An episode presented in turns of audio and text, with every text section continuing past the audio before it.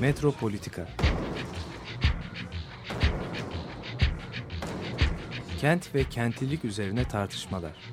Ben oraya gittiğim zaman balık balık balık balık tutabiliyordum mesela.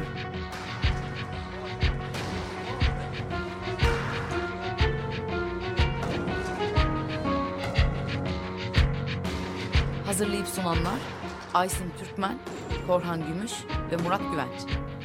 Takusuyor ki. Kolay kolay boşaltamadılar. Yani elektrikçiler terk etmedi Perşembe Pazarı. Merhabalar değerli Açık Radyo dinleyicileri. Bir Metropolitika'da daha birlikteyiz. Bugün e, ben e, tek başımayım. Bizim ekip olarak yani Aysin Türkmen ve Murat Güvenç şu anda İstanbul dışındalar. Ama iki tane konuğum var. Aslında Metropolitika'nın daha önce konukları olmuş e, ve programa destek olmuş e, kişiler. Defne Kadıoğlu e, karşımda oturuyor. Mercator araştırmacısı. Hoş geldin Defne. Hoş bulduk, Programa tekrar. Daha önce kendi Defne ile biz bir tophane programı yapmıştık. Da- Daha sonra da birkaç programımız daha oldu. Diğer e, katılımcı ise e, sevgili Orhan Esen, şehir sosyoloğu ama tarihçi. Dün öyle tanıttılar Orhan'ı bir toplantıda. Sosyoloji hiç, hiçbir alakam yok. Alakan yok ama yok. sana bunu yakıştırdılar.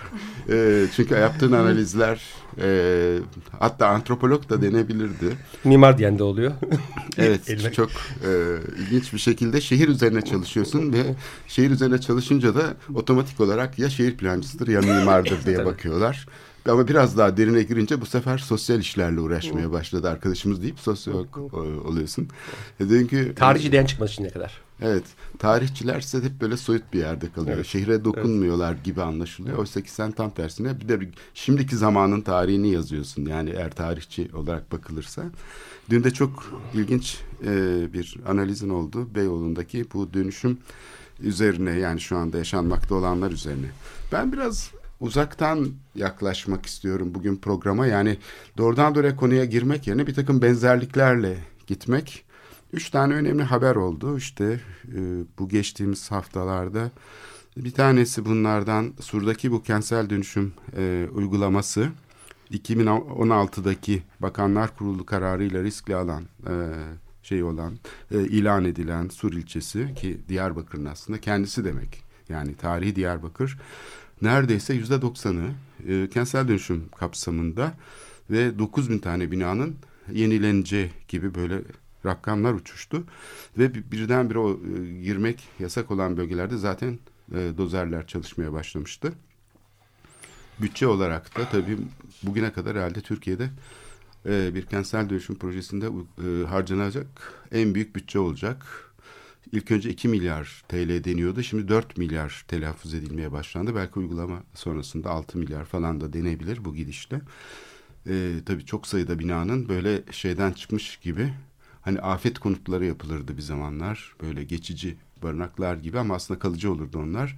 Şimdi fotoğraflar yani BBC'de çıkan bu 10 Haziran'daki BBC'de çıkan makale ve çer- çerçevesindeki fotoğraflar aslında bir afet yerleşim alanını andırıyor. Diğer taraftan da söylemlerde işte Sur'un e, müthiş turistik bir yer olacağı, işte e, tarihi dokusunun korunacağı falan böyle e, sözler sarf ediliyor. E, gördüğümüz işte bir takım betonarme binalar böyle kemerli kemerli askeri nizam içinde sanki bir e, şey yerleşim alanı gibi e, bir e, ne denebilir buna hani e, ru- biraz karartıcı yani ruh karartıcı bir yerleşim alanı. Bu sefer de tartışmalar işte Sur'un mimarisine uymuyor bu yapılanlar ya da işte uysa ne olacak yani tarihe uyum meselesi diye bir tartışmadır gidiyor. O da çok e, tuhaf bir tartışma çünkü Diyarbakır Mimarlar Odası bayağı o konuda şey yaptı. evet bayağı böyle şey pencere açıklıkları falan Evet. üzerinden bir tartışma mahremiyet başlattılar. ilişkileri falan yani gerçekçi Yani yani, bir şey gibi değil. bir şeyin taklidi gerçeğine ne kadar yaklaşabilir yani bu imkansız bir şey ne kadar yaparsanız yapın hani hayatın kendisini böyle bir şey üzerinden kurmaya çalışmak bir e, e, şey dünyası üzerinden temsiller üzerinden tam tersine bu bağlantıları sökme tekniğidir şehircilik ve mimarlık o bağlantıları gerçek zannetmek değil mi modern sanat da budur yani bugüne kadar hiç böyle bir şey e, insanların başına bilmiyorum geldi tabii çok geldi. Yani savaş mimarisi diyebiliriz buna. Ama çatışmalarla sonuçlandı. Hiçbir zaman yani bu toplumu tasarlama düşleri üzerine kurulmuş bir dünya ayakta kalmadı.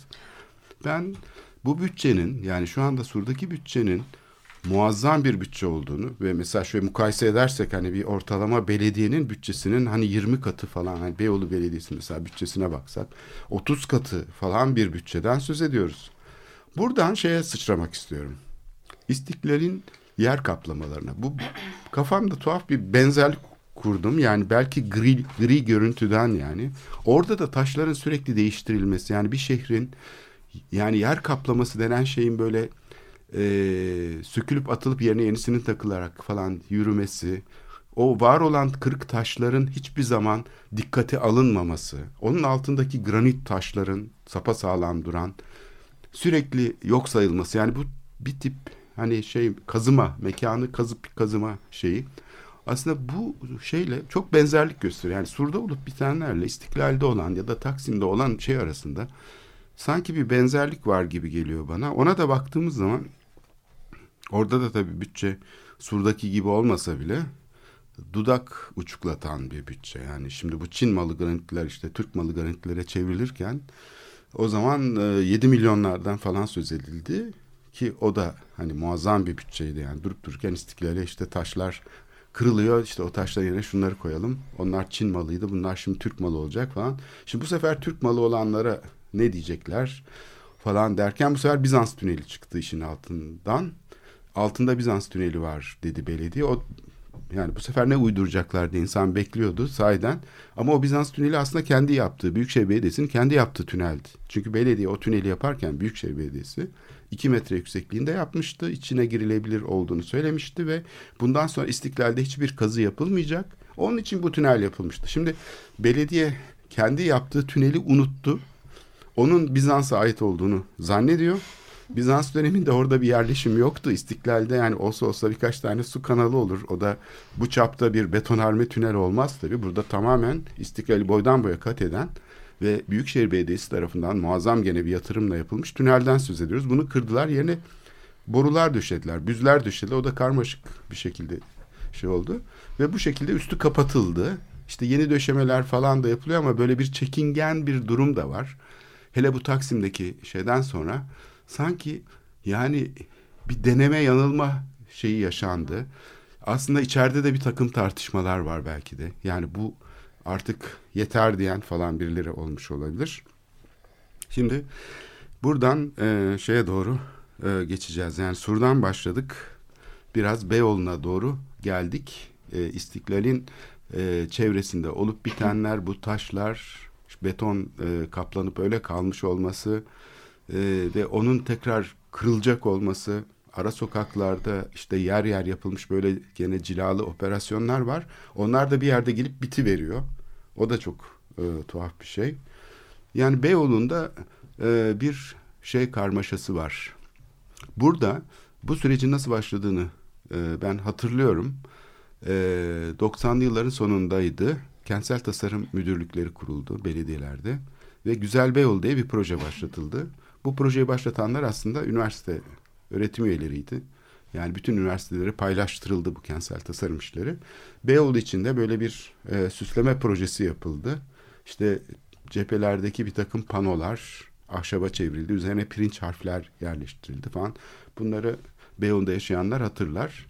Ama bu şey acaba fasılalar şeklinde acaba tekrarlanıyor mu diye benim kafamda bir soru var. İlk önce Orhan'a bu soruyu sorayım. Yani Beyoğlu'ndaki değişimin bir tarihsel şeyi ne bu değişimin yani böyle zaman zaman Beyoğlu'nun böyle güzelleştirilmeye çalışılması, bir takım müdahaleler, sonra tekrar e, şey olması, ondan kalan bir takım izlerin e, üstüne tekrar yeni bir şeyler yapılması falan. Burada bir süreklilik görüyor musun bu yönetim e, şeylerinde, müdahalelerinde yoksa tam tersine bir şey mi var, süreksizlik mi var? Bana çok kopukluk gibi geliyor. Ee, yani yapılan işlerin kendisi açısından kopukluk var. Ama bir mantıkta süreklilik var tabii. Yani e, sonuçta yani her dönemde e, yeniden aslında bu müdahaleler anlaşıldığı kadarıyla e, yani bir şekilde bir rant aktarma aracı yani, ka, yani kamu fonlarının dağıtılma aracı e, olduğu duygusu uyandırıyor. E, çünkü onun dışında yapılan işin kendisinin mantığını okuyabilmek e, mümkün değil. Yani yani şu işte Beyoğlu sonuçta yani yalaştığımız 90'lar başından beri kaçıncı e, şey yüzey operasyonuna geçirdi. Yani bu inanılır gibi değil. Sürekli makyaj halinde. Yani sürekli bir yani makyaj hep yüzey şey yapıyor ve Evet. yani bu hani e, artık ben hani saymayı sen bayağı maşallah e, takip ediyorsun. E, e, ben mesela bunları hiçbir şekilde şey yapmıyorum yani e, siliyorum yani resetliyorum kafayı her seferinde. E, o anlamda e, şey hani e, sürekli gerçekten bu işin her seferinde makyaj olarak ve her seferinde daha büyüyen bütçelerle ve her seferinde kapalı kapılar ardında herhangi bir açıklık olmaksızın, herhangi bir katılım süreci olmaksızın bir şekilde yenilenmede. Bunda bir süreklilik var ama onun dışında hani yapılan işler bir taş üstüne taş koymak anlamında bir politika oluşturup işte onu yani bir kentsel hani mobilya politikası kentsel işte kaplamanın işte ve materyalin işte bir e, el kitabının olması falan gibi yani pek çok hani Batı şehrinde falan bildim yani Berlin'e mesela ben 30 yıldır gidiyorum. Yani e, değişmedi tamam ya arada yani şey duvar yıkıldı, devletin bütün formatı değişti, her şey değişti falan filan. Yani kentin e, 19. yüzyılın sonunda oluşmuş olan e, kaplama politikası aynı değişmedi. Yani tamam mı? Yani Onun e, şeyi sabit. yani 120 yıllık bir geleneği var adamların ve yani bir şekilde bunu kimse değiştirmeyi falan düşünmüyor. Yani e, bir takım böyle ufak tefek terici değişiklikler onlar tamamen olanın e, şeysi üzerinden gidiyor. Yani ve çok belli yani onun nasıl e, yapıldı. Yani bunu tartışılmıyor bile. Yani Çin malı mı Türk malı olsun falan böyle tartışmalar falan yok. Ama yani, şeyde proje dahi yok. Yani- Yani, bu istiklalde yapılan ben araştırdım çünkü. yani. Hani şey ne oluyor mesela diyelim eğimli bir cadde var. Bu ilk yapılan granit kaplamalar kastediyorum. E, sadece müteahhite ihale edilmiş olduğunu görüyorsun. Yani ortada bir amaç dahi yok. Yani şu içindeki eski granit taşları koruyalım. Onlar çünkü tamir edilebilir kabiliyette, söküp takılabilir. Hiçbir amaç yok, Hiç evet. böyle bir amaç yok yani çevreyi korumak, oradaki malzemeyi değerlendirmek. Çünkü hemen bitişiğinde, hemen yani 20 santim altında dünyanın en değerli malzemesi bulunuyor. Bunu tekrar e, kırdırmak, kestirmek, hele kesmek çok pahalı bir şey işte görüyoruz bütçeden de ve çok zor bir şey yani bunu nakletmek, taşı nakletmek. Hep bu kullanılmıştır. Mesela belediye başkanı İtalyanların düzenlemiş olduğu bir Floransa'daki büyük bir toplantıda bir restorasyon seminerinde tesadüfen sokakta karşılaşılınca şey dedi. Aa, ne güzelmiş bu taşlar koca koca granit taşlar biz de istiklale bunlardan yapsak. Ben de dedim ki bunlar 400 yıllık taşlar yani siz 30 sene önceki taşları bütün Cihangir, e, Beyoğlu, Galata falan buradaki hazır 6. dairenin döşemiş olduğu daha önce de değil. Kalın granit taşları çöp diye kullanıyorsunuz şu anda asfaltı kırıp şey yaparken moloza gidiyor bunlar ve sürekli yükseliyor asfalt üstüne asfalt falan. Şimdi yani burada bir şey var e, bir e, şey kırımı var yani hafızanın bir kere işlemediğini görüyoruz yani ne olduğunu unutuyor. Yani belediye kendi yaptığı tüneli unuttuğuna göre, kendi yaptığı şeyi yok saydığına göre burada bir tuhaflık e, var. Ama bu mantık aslında süreklilik taşıyan bir mantık. Sürekli kurgu düzeyinde kalan bir şey. Yani bu temsillerin, e, projelerin, ortaya çıkan kararların artık iyice hani şey olduğunu, keyfileştiğini gösteriyor. Zaten keyfidir ama keyfi olduğunu farkında olmadan yapılan bir işlem gibi. Ee, dediğin gibi şeyler yok mesela bu kentsel tasarım şeyleri ölçeklerinde hiçbir düşünce yok. Yani Galatasaray'da mesela bütün döşemeler bir türlü oturamıyor. Birisi gidiyor oradaki anıtın üstüne biniyor. Molozları üstüne koyuyorlar falan. Yani ölçek e, şeyi yok. E, merdivenli sokakları yol zannediyorlar. Proje şeylerde çalışmalarda falan. Yani e, bir e, şey önemli olan ve bunun hiçbir önemi yok. Yani bunu so- soran dahi yok. Yani bu aslında biraz programdan önce e, konuştuğumuza konuştuğumuzla da bağlantılı bence. E, süreklilik olmamasının işte bu karmaşıklık, e, eskinin, geleneğin olmamasının vesaire. Yani düşündüğümüz zaman mekan zaten sosyal ilişkilerin yansımasıdır. E, sosyal ilişkilerde mekana yansar vesaire. Hani orada e, iki türlü bir ilişki var.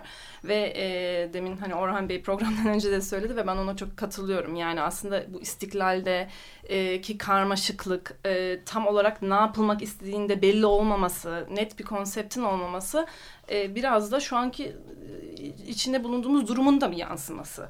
E, yani e, devletin içindeki karmaşıklık, siyasetin içindeki karmaşıklık, toplumun içindeki karmaşıklık e, bu mekan politikalarına, kent politikalarında tabii ki yansıyor. E, ve ben de e, o yüzden e, ciddi bir e, şey görüyorum. Yani yarıda kalmışlık da görüyorum. E, hani var olan proje veya var olan bir konsept var ise biz onu beğenmeyebiliriz. Ama bence o proje de şu anda gerçekleştirilemiyor. Yani öyle bir e, e, gel git var ki hani Galata Port olsun ay bir durduruluyor bir yapılıyor yani e, inanılmaz bir e, şey var, e, dengesizlik de var ve bu tabii ki arada hem e, maliyeti çok yüksek oluyor bu dengesizliğin çünkü dediğiniz gibi taşlar sökülüyor, tekrardan koyuluyor sonra yok o olmadı deyip tekrardan yeni bir şeyler yapılıyor. E, hem de tabii ki e, şehirde yaşayan insanları çok dışlayıcı. Peki şey kolay mıydı? Yani şimdi Taksim Meydanı'ndan kalkınarak ya da AKM'den kalkınarak şey e, bizim saf e, temsil dünyamızda güzel bir karşıtlık vardı işte geçmişten bugüne gelen işte bir takım böyle modernist bir e, şey programı hani devletin nasıl bir kültür programı dikte edeceğine dair şehre bir tanesi böyle son derece modernist operasıyla çağdaş Hı-hı. yaşam alanlarıyla falan diğer taraftan da asıl bizim değerlerimizi yansıttığını söyleyen böyle daha e, şey yeni Osmanlıcı akım. Bu karşıtlık üzerinde e, gerçekleşiyordu şehir siyaseti. Yani işte bunu Taksim'de gördük cami tartışmalarında gördük Atatürk Kültür Merkezi tartışmalarını gördük. Acaba bunda bir hani bu bildiğimiz şeyde sistemin bu şeyi e, hayal dünyası. Hı hı. Bunu Aysim Türkmen çok güzel anlatmıştı. Bu Fatih Harbiye karşıtlığının aslında bir tür e, yani nasıl bir kurmaca bir şey olduğunu, hı hı. hiçbir şeye tekabül etmediğini şehirde. Evet tekabül etmiyordu ama insanlar bunun içinde huzurlu bir şekilde kavga ediyorlardı ve kutuplaşıyorlardı. Hı hı. Siyasi sistem. Bu e, şey de ortadan kalkmaya başladı sanki. Yani bir tür devlet içinde şeyler yeniden oluşuyor. Evet. Ee, seçkinleştirici dinamikler eski şeyler üzerine kurulamaz hale geldi. Çünkü o da iflas etti. Yani orada da bir şey kalmadı. Enerji kalmadı. Onlar da enerjisini boşalttı. Bilmiyorum Orhan sen bu konuda ne düşünüyorsun?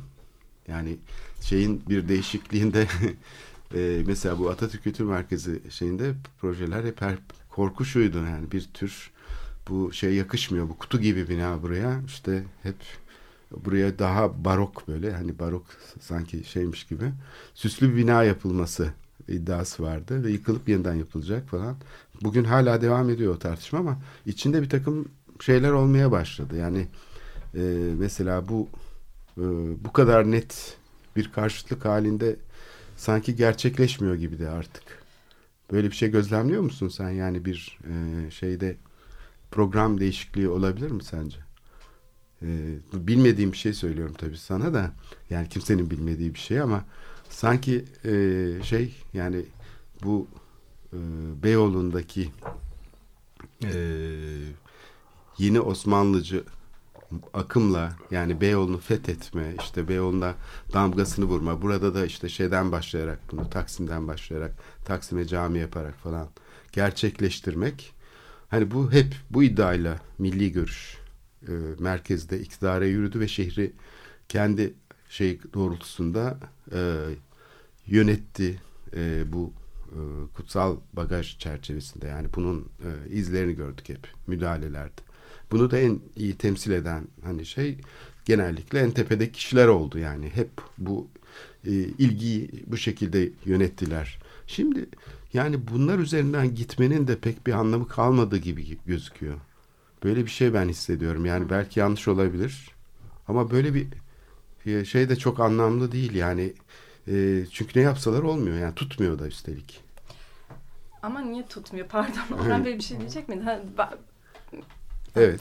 Ee, ama bence tutmamasının sebebi tam da bu karşıtlıklara izin verilmemesinden dolayı. Yani Taksim niye bu kadar e, önemli bizim için veya İstiklal veya Beyoğlu niye bu kadar önemli bizim için? Niye hani e, bir, bir yandan hani hala şehrin merkezi olarak e, görülüyor. Çünkü zaten e, bu hak arayışları e, karşılıklar üzerinden yaratılan bir mekanda. Yani herkesin kendi e, e, pro, üzerine projesi kurduğu, anıları olduğu bir yer olduğu için veya birçok kişi için.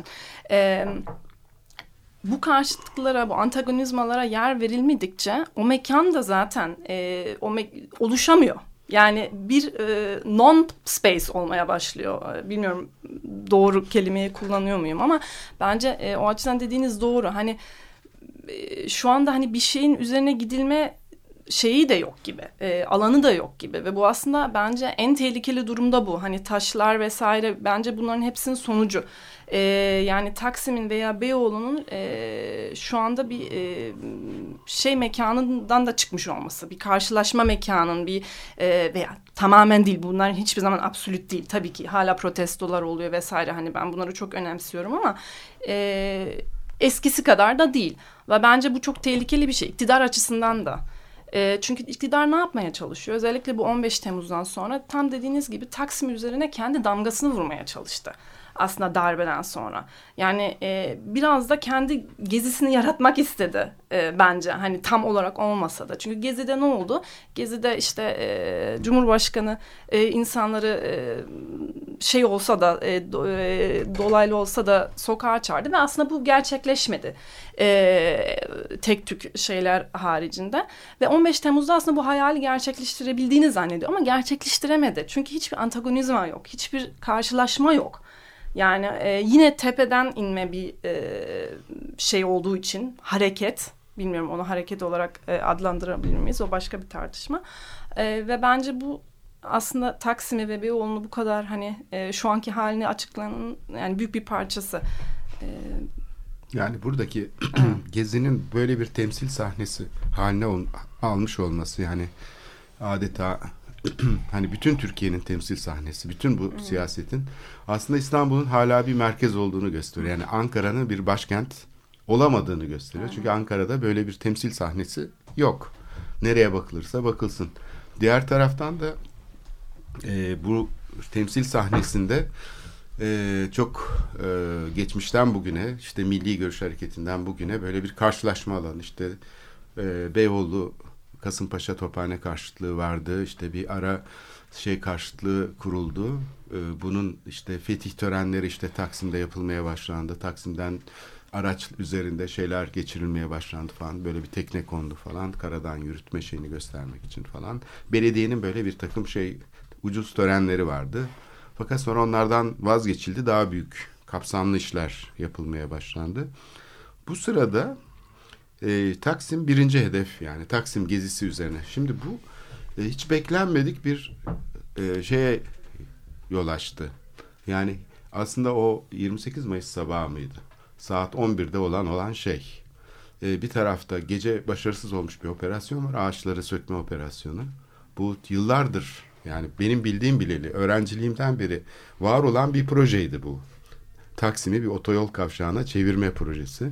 Bunu da e, sadece bu yönetim şey yapmadı. Bütün yönetimlerin zaten klasik, renksiz, kokusuz bir işti. Yani bu ulaşım projesi. Bunu bütün yönetimler zaten aynı şekilde bütün meydanlara, Mecidiyeköy'e, Karaköy'e, Eminönü'ne, Sütlüce'ye falan her yere Beşiktaş'a yapacaklardı.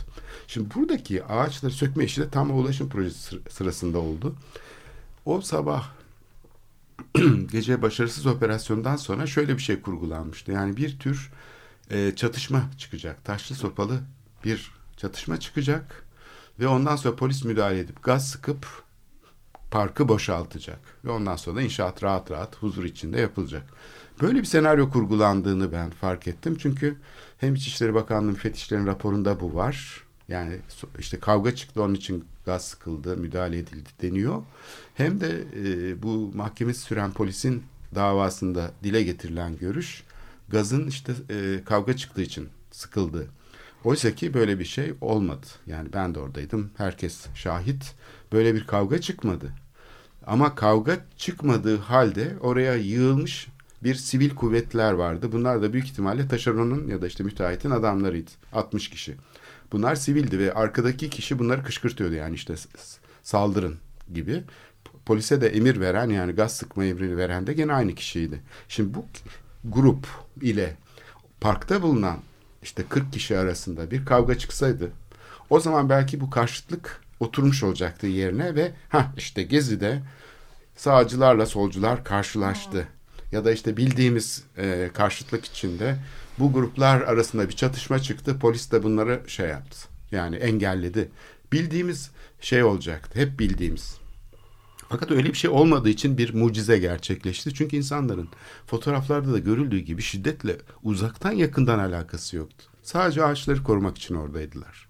Ve e, bu kamusal alanın e, tam bir yani şey bunu aslında sonunda şey de kabul etti. Yani iktidar da kabul etmek zorunda kaldı. Sorun zaten orada oldu. Çünkü iktidarın böyle bir şey beklemediği çok açık. Hep karşıtlık rejimi içinde kurgulamış olduğu için kamusal alanı ilk defa karşısına çıkan şeyi çözemedi, algılayamadı ve o yüzden de e, sonra müdahale etmekten vazgeçti. Yani o gün baktı ki müdahale ettikçe kalabalıklaşıyor. Müdahale ettikçe kalabalıklaşıyor. Çünkü haksızlık var. İşin temelinde büyük bir haksızlık var ve bu ortaya bunu üretmeye başladı. Yani bugüne kadar karşıtlık üzerinden sindirirken e, şeyi e, bu e, şehir e, şeyini düşüncesini bu sefer tam tersine e, müdahale ettikçe kendisini e, şey olarak e, sorun haline getirecek bir algı içine girmeye başladı ve bunu fark etti ve durdurdu müdahaleyi. Büyük bir kafa karışıklığı yaşandı o zaman işte. O büyük kafa karışıklığı döneminde Gezi'de müthiş bir şey ortaya çıktı. Filizlendi bir anda. Bir toplumsal ilişkiler zemini. Farklı insanlar yan yana gelebildi. Çatışmadılar, kutuplaşmadılar falan. Ve tekrar o müdahale şiddet şeyine geldiğinde bu eski rejime geri dönüşün şeylerini gördük. Prosedürlerini uygulamaya başladılar. İşte insanların şeyine dik, e, nişan alarak e, polisin gaz fişeği atması. Bunu gözlerimle kaç kere gördüm. Ondan sonra işte çatışma şeyi yaratmak. Yani bu e, karşıtlığı yeniden üretmeye çalıştı. Bu şehir açısından çok önemli bir e, şeydi. Dönüm noktası. Ama galiba bugün bunun şeylerini yani yaşıyoruz bu sonuçlarını. Çünkü o müdahale tarzıyla sonunda e, şeyde e, politik anlamda bir şey kalmadı. Yani e, yani bir anlamı kalmadı. Bir yönetimin artık yani seslenebileceği, tabanını konsolide edebileceği bir şey de kalmadı. Çünkü karşıtı yok etti. Şiddetle yok edince hukuk şeyi de e, ortadan kalkmış oldu. E, bu geçmişteki peki e, müdahale şeylerine baktığımızda yani bir tür mahallelerde böyle bir temizleme şeyi vardı işte geçmişten beri Beyoğlu'nu güzelleştirme işte şey yapma ve bunun içinde de bayağı Beyoğlu eliti yer alıyordu. Hani işte dernekler vesaire filan. Ee, bilmiyorum dünkü konuşmanda Orhan sen biraz e, böyle bir analiz yaptın yani bu şeyin e, Beyoğlu'ndaki e, şeyin değişimi üzerine nasıl e, yaklaşıldı. Özellikle 60'lı yıllardan sonra Rumların gitmesinden sonra hani bir çöküntü alanı gibi tanımlanan Beyoğlu nasıl dönüştü bugünlere geldi? Aslında bir bize böyle bir şeyi kısa özet olarak hani anlatsan ki biz hani bu şeyden tartışmanın aslında uzantılarını görebilsek diyorum ben. Senin böyle bir şeyin oldu dün e, konuşman. Yani e,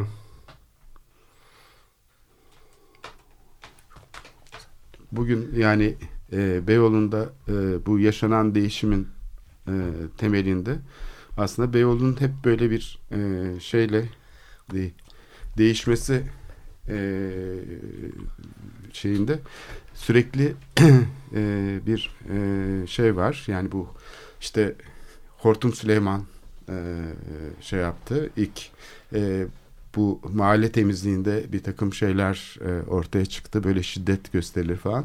Bu çok benzer e, bir kentsel dönüşüm şeyi sonra tekrarlanmaya başladı. Bunu isterseniz bir nefes alalım ondan sonra konuşuruz diyorum ben. Cluster'dan dinleyeceğiz Protez isimli parçayı.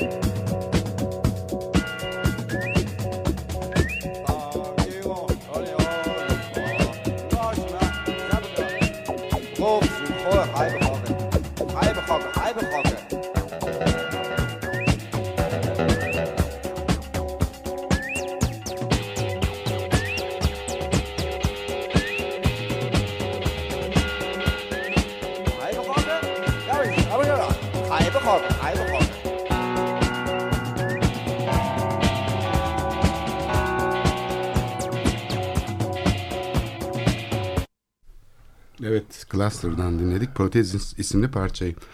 Evet, dün e, bir e, toplantı gerçekleşti.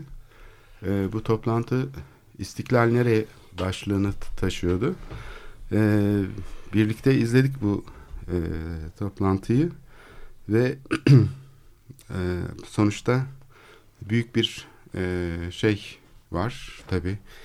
E, sürmekte olan da bir e, değişim e, var. Fakat bir taraftan işte şeyler kapanıyor. İşte Beyoğlu tekrar e, bir şeye dönüştü. Burada siyasi niyet üzerinden bunu tartışanlar var. Yani bunun bilerek yapıldığını düşünenler var. Haklı da olabilirler. Yani kimi zaman bu tip şeyler oluyor. Yani bazı bölgelerin işte değer kaybetmesi, yatırımcıların tekrar gelip buradaki e, emlak şeylerin içine girmesi, tekrar e, dönüşüm geçirmesi. Ama bir taraftan da e, var olan e, girişimlerin işte durumu, e, yatırımcıların e, yaptıkları şeylerde belirsizlikler, işte bu Galata Port'tan demin söz ettik. Hı. Galata Port bütün Beyoğlu'nun sahili. Bütün bu sahil olduğu gibi dönüşüyor ama e, bu dönüşüm de yani nereye doğru gidecek belli değil. Diğer taraftan çok önemli kamu yapıları e, var. E, gene tersanelerde bu şeyin bir uzantısı. Beyoğlu'nda da bir takım böyle anıt yapıların Narman Han gibi, Emek Sineması gibi bunların dönüşümü sürekli konuşuldu. Sırada başka yapılar da var. E, Beyoğlu nereye diye sorular soruluyor. Buradaki dönüşümün aslında şeyinde büyük sermaye, işte küçük üreticiler sürekli bir şey halinde ama bir taraftan da e, amaçları belirleyen ya da herkesin bir araya gelip konuşabileceği bir ortam yok. Yani geçmişte hiç olmazsa bir takım platformlar vardı. Tartışılıyordu. İşte iş adamları, turizmciler falan, yatırımcılar bir araya gelip şehrin geleceğini konuşuyorlardı. Bugün öyle bir ortam da pek kalmadı. Yani turizm de bittiği için. Ee, bunu bir mahalle ölçeğinden hani şeye doğru e, ilçe sınırlarına kadar genişletebiliriz belki. Ee, buradaki amaçları belirlemekte acaba bir eksiklik mi var? Çünkü tamamen piyasa aktörleri üzerinden gidince piyasa aktörleri üzerinden tanımlanmaya başlanınca özellikle fikir üretimi dediğimiz yani proje dediğimiz işte yaratıcı faaliyetler bunlar da piyasaya bırakılınca ihaleyle gerçekleştirmeye başlayınca sadece yatırım boyutu öne çıkıyor. Acaba burada başka teknikler kullanılabilir miydi diye özellikle bu büyük projeler insanları düşündürtüyor. Yani çünkü yani ortaya çıkan şey sadece bir inşaat metrekare olarak. Peki bunlar zaten çalışacak mı? Mesela şu anda Beyoğlu sineması için de bir şey çıktı. Hani kapanıyor falan gibi.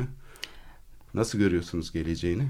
Yani bence genel olarak e, demin yani en başta Sur'la e, Beyoğlu'nu biraz e, bağ, bağdaştırdınız ki bence bu çok doğru bir e, yaklaşım. Çünkü hani olay Beyoğlu'ndan yani ibaret değil. Yani bu e, mantık demin bahsediyorduk hani bu mantık aslında her yerde işliyor. Sadece e, değişik faktörler giriyor içine. Hani e, Sur'da e, çok yani etnik ve e, şey e, başka bir boyut da var tabii ki.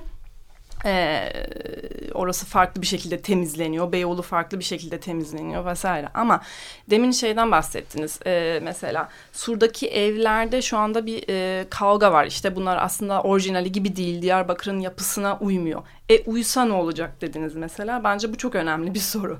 Uysa ne olacak? Yani e, buradaki ana yaklaşım da zaten yanlış ki bu Türkiye'den yani Türkiye'ye has bir şey de değil. Hani bunu Avrupa'da da görüyoruz, Amerika'da görüyoruz. Bu e, ekonominin gidişatıyla bağlantılı. Yani e, e, şeyin karın nasıl elde edildiğiyle bağlantılı.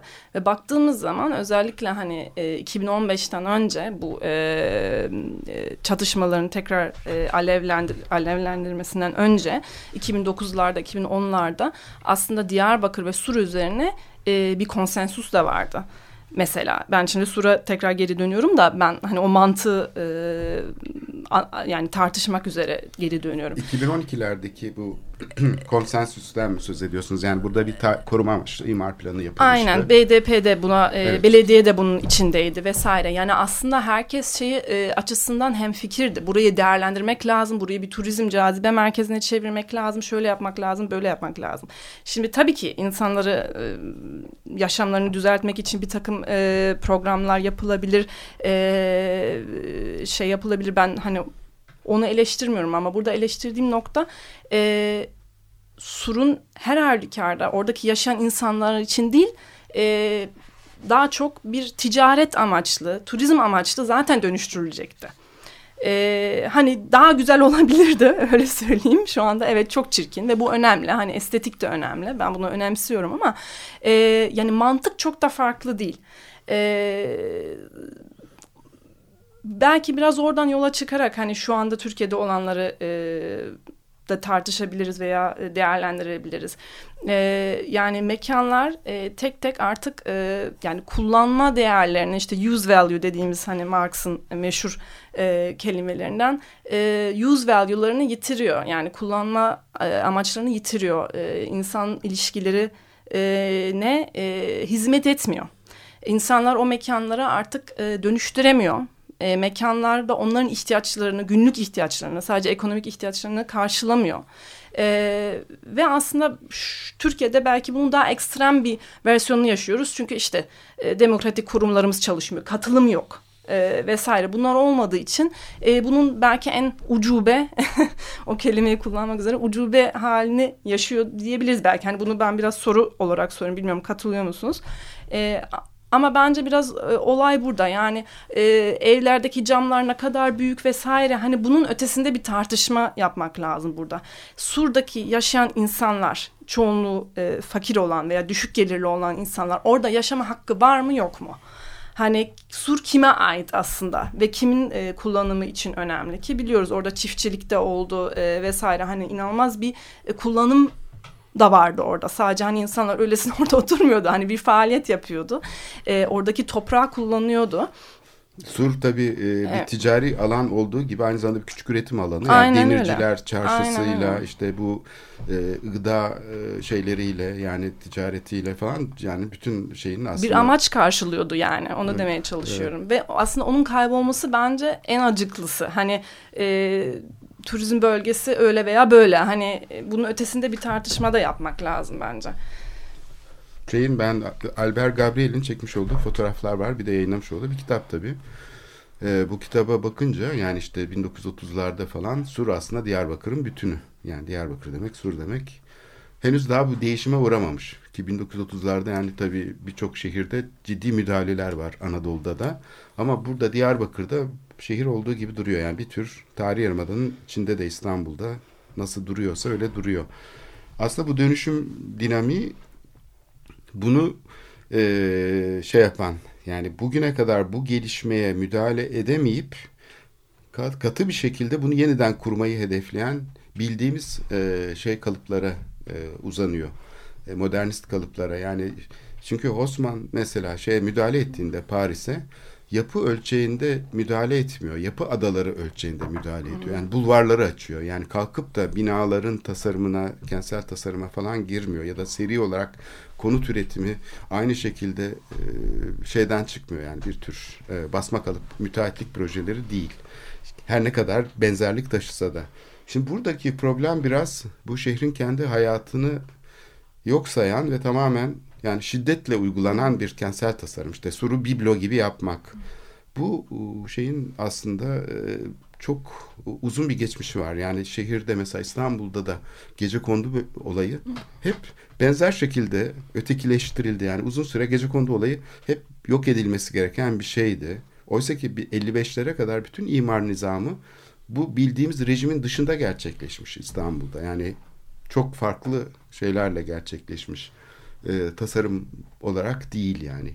Dolayısıyla burada bir deneyim eksikliği de var. Yani sadece bir siyasi karşıtlık e, işte şey e, şiddet yanlısı olmak değil aslında şehirle bu politik şeyin deneyim eksikliği üstünden de bakılabilir belki. Evet. Sur'da olup bitenlere ya da bütün Türkiye'de olup. İstiklal için de aynı şey geçerli. Yani bir karşıtlık olmadığı için bir yön de yok. Yani e, bence o karmaşıklık da bundan e, dolayı oluşuyor ve bence bu iktidar için aslında çok kötü bir şey. Yani kendine zarar veren de bir şey. E, çünkü onu e, ona bir çerçeve gösteren bir şey de yok. Anlatabiliyor muyum? Yani e, ben öyle görüyorum şu anda. Hani e, İstiklal'i gezdiğim zaman ben orada bir proje görmüyorum. Ben muazzam bir kar, karmaşıklık görüyorum açıkçası. Hani e, belki başkaları başka şekilde düşünür ama e, bana bu e, çok önemli geliyor ve bence mesela e, şunu da görmek lazım.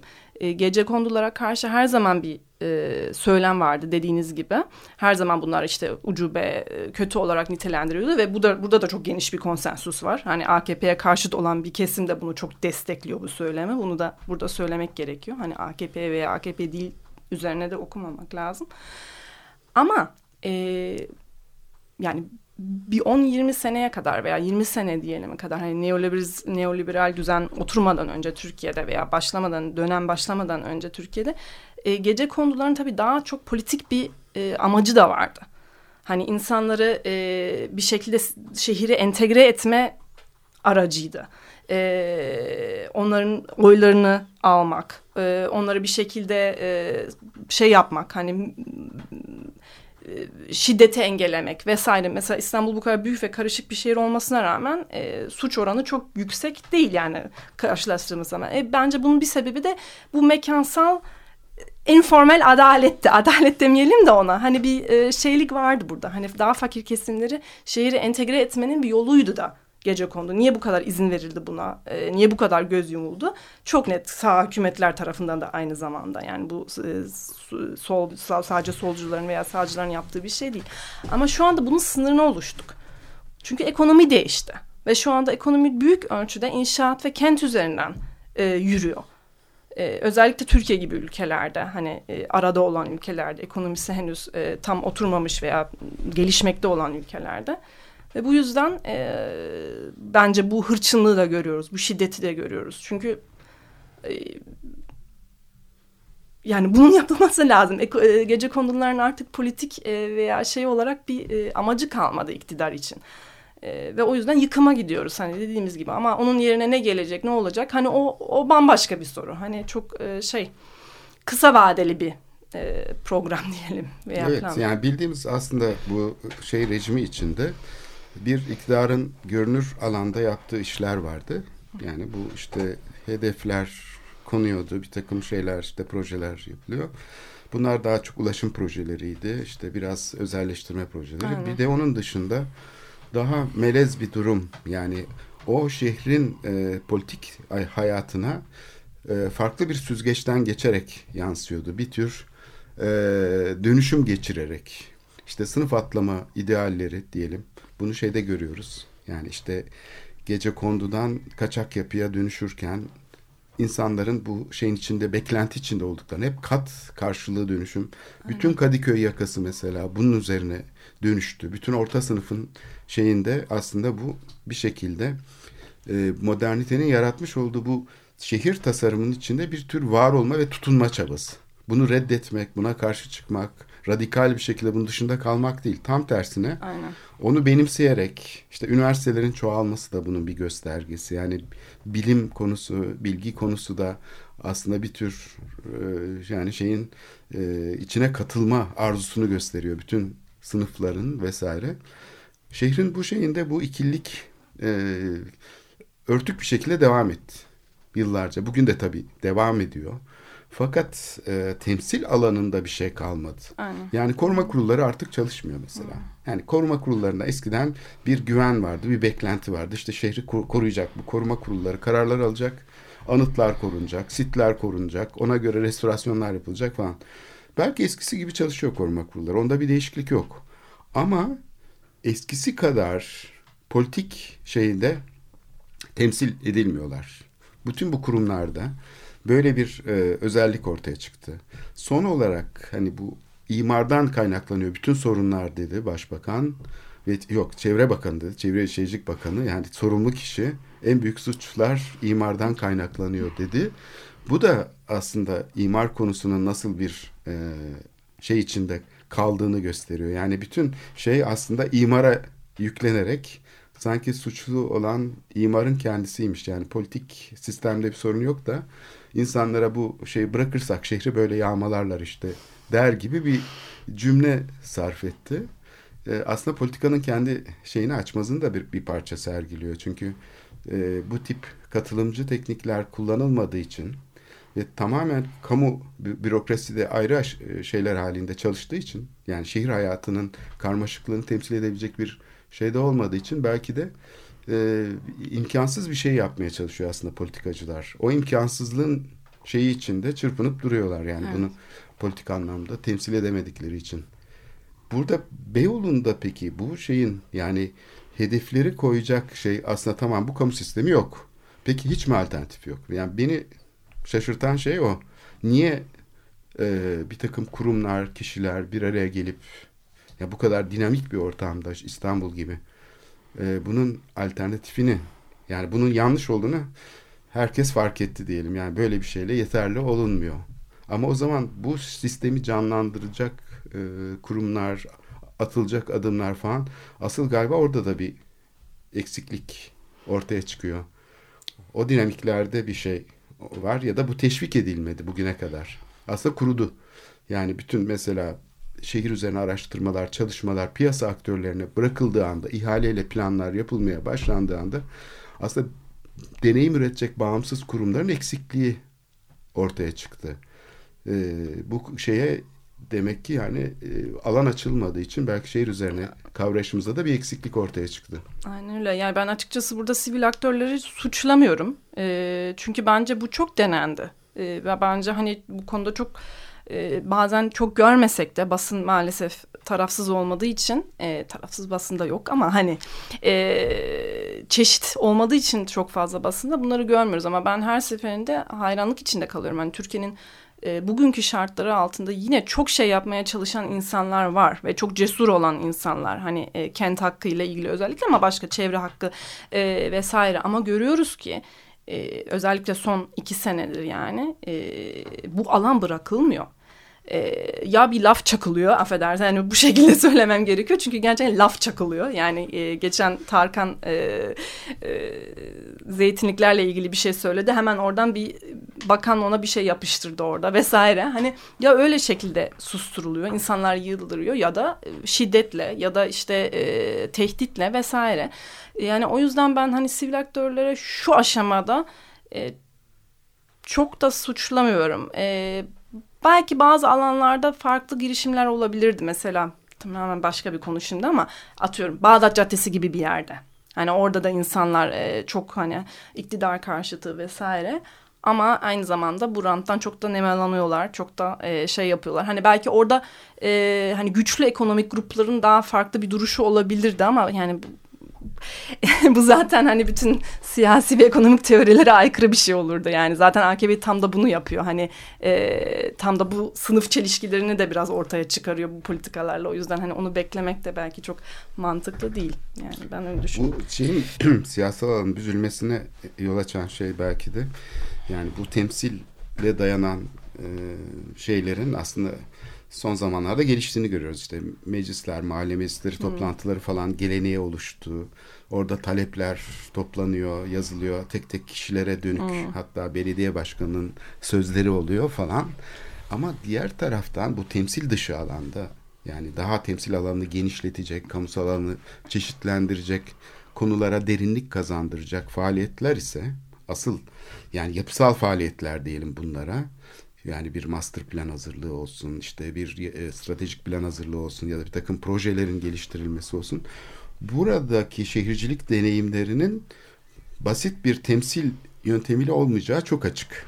Çünkü bunlar e, hem paradigmatik bir alanda, farklı düşüncelerin tartışılabildiği bir ortamda e, deneyim gerektiren, e, paylaşım gerektiren, rekabet gerektiren bir taraftan da konular bunları aslında şey yapan, söndüren bir e, dönem geçirdik aslında. Bu e, Avrupa Birliği macerasının da yani şeyinde de ortaya çıktı. E, kamu eliyle kurulmuş olan şirketlerle bu proje ve plan hizmetlerini, kamu kararlarının içeriğini oluşturan araştırmaları falan yaptırma modeli.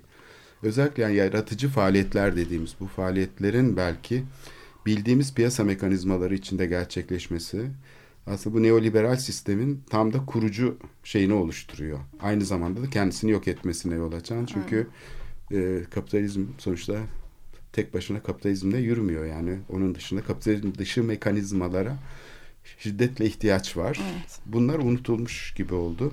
O yüzden de tabii kimsenin su- suçu yok diyelim ama bir taraftan da e, böyle bir şeyin oluşturulması için çaba göstermesi gerekiyor tabii siyasal alanı genişletme yükümlü olan e, şeylerin, dinamiklerin e, bu sorunla baş edebilmek için.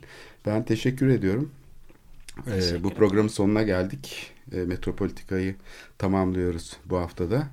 E, gelecek hafta görüşmek üzere. Hoşçakalın.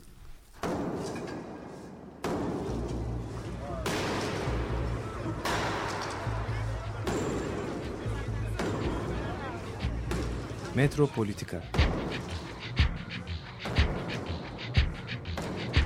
Kent ve kentlilik üzerine tartışmalar. Ben oraya gittiğim zaman balık balık balık balık tutabiliyordum mesela.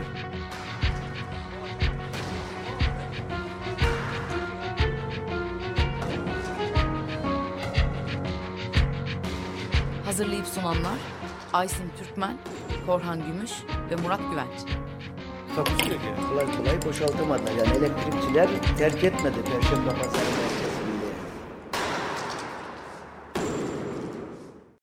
Açık Radyo program destekçisi olun.